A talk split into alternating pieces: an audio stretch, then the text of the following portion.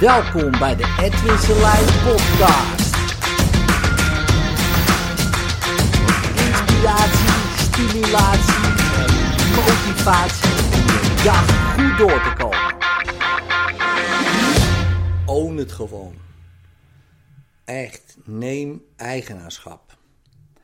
Daar gaat het gewoon over. Altijd. En um, ja, ik zie zoveel mensen, weet je wel, die last hebben van angsten, minderwaardigheid, uh, onzekerheid. Um, last hebben van hun jeugd, uh, van hun vader, van hun moeder. Nog steeds zitten die stemmetjes in hun hoofd die zeggen wat ze wel of niet mogen doen. Um, en als je dan nagaat dat ze het allemaal zelf doen, dan is dat best wel apart. Nu zullen ze dat niet zeggen, hè, want ja, ik doe dat toch niet, ik heb dat. Uh, maar daarmee ga je subtiel um, je eigenaarschap afschuiven op iets wat je niet hebt, als ding dan. Hè? Dus ik, ik, ik heb een fictief ding gemaakt, dat noem ik onzekerheid. Waar dat zit in mijn hoofd of in mijn lichaam of in mijn organen, weet niemand. Hè, maar ik heb dat zo gecreëerd. En ik zeg, ja, maar dat heb ik nu eenmaal. Of nog uh, interessanter, zo ben ik nu eenmaal. Dus mijn hele identiteit is onzekerheid. Dus ook dat ene celletje uh, in mijn in in zeg maar. Ja, mijn. Uh, die is dan ook onzeker. Ja, dus, maar ook mijn mijn teennagel is ook onzeker. En, en die vindt het ook lastig om te groeien. Um, en mijn haar is onzeker, want ik ben onzeker. Dus alles is onzeker.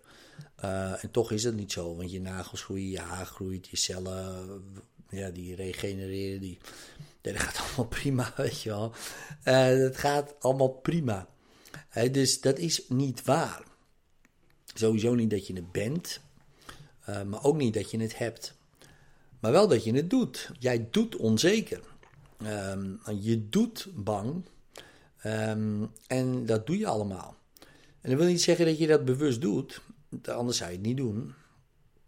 En dat wil ook niet zeggen dat ik je daarmee. Uh, dat ik uh, ja, daarover oordeel of zo. Want dat slaat nergens op. Alsof jij daar wat aan kan doen dat je dat nu aan het doen bent. Je zou kunnen zeggen, ja, natuurlijk kan je wat anders doen, maar als je niet weet hoe, ja, dan is dat heel makkelijk gezegd. Hè? Als ik zeg tegen jou, uh, hier heb je een kwadratische vergelijking, los maar op.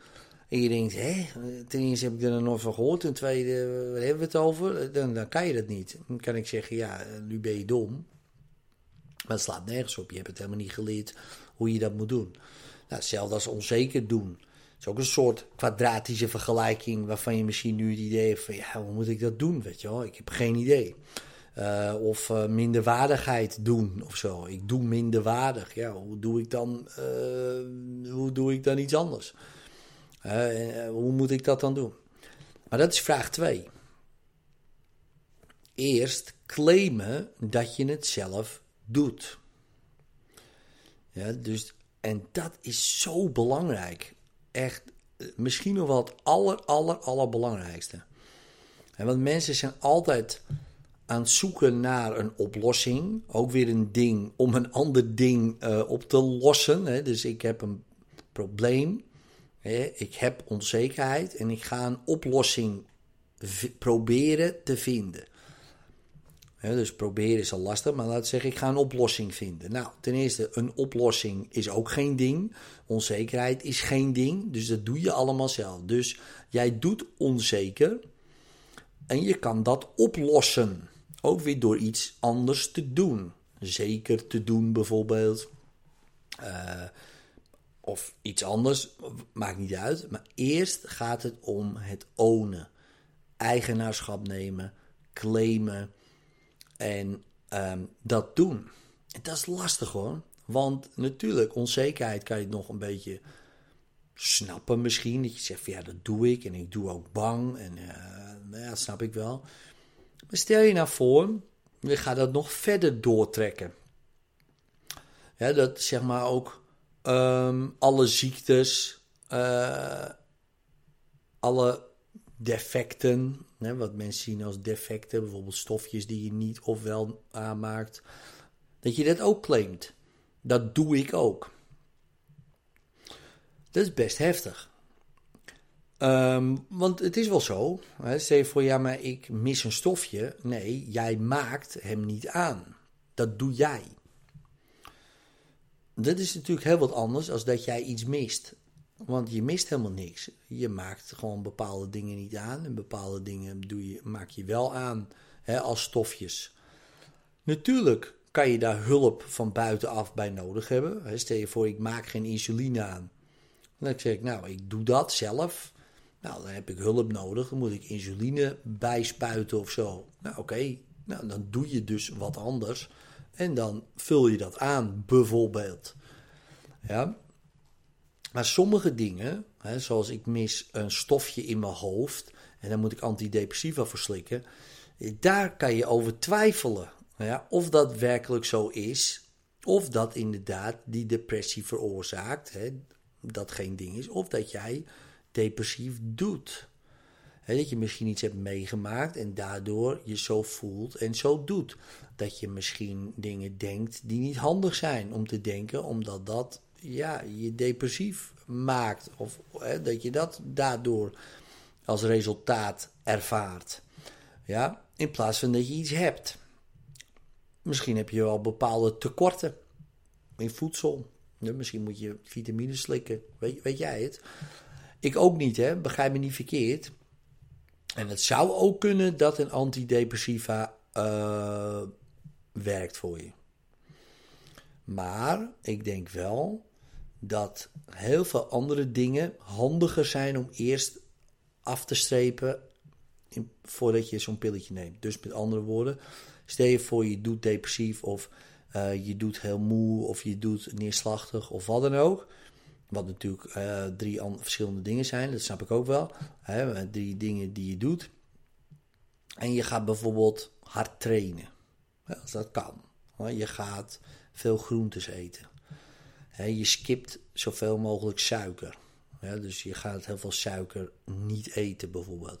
Je gaat letten dus op je voeding. Je gaat letten op je bewegingspatronen. Je gaat hard trainen bijvoorbeeld. Of in ieder geval bewegen, maar ook hard trainen. Ehm, en dan kijken wat er na drie maanden nog van over is van dat gedrag. Wat we ook wel depressie noemen. Misschien is het weg. Zou zomaar kunnen. Maar het kost heel veel moeite. Veel meer dan een pilletje nemen. Ik hoorde nu van iemand van... Ja, die, ze hebben nu een pil van diabetes. Daar val je af en, uh, en het lost diabetes op. En dan denk ik, oké, dus we hebben een leefstijl. Iemand heeft een levensstijl zichzelf aangeleerd door misschien veel te eten, weinig te bewegen wat dan ook, doet hij. Daardoor krijgt hij als resultaat een diabetes type 2. En dan gaan we hem een pilletje geven, waardoor hij afvalt. Maar we kunnen natuurlijk een beter leren door iets anders te doen. Dan heeft hij nog steeds een slechte leefstijl, alleen met een pilletje uh, wordt, dat, wordt dat verbeterd.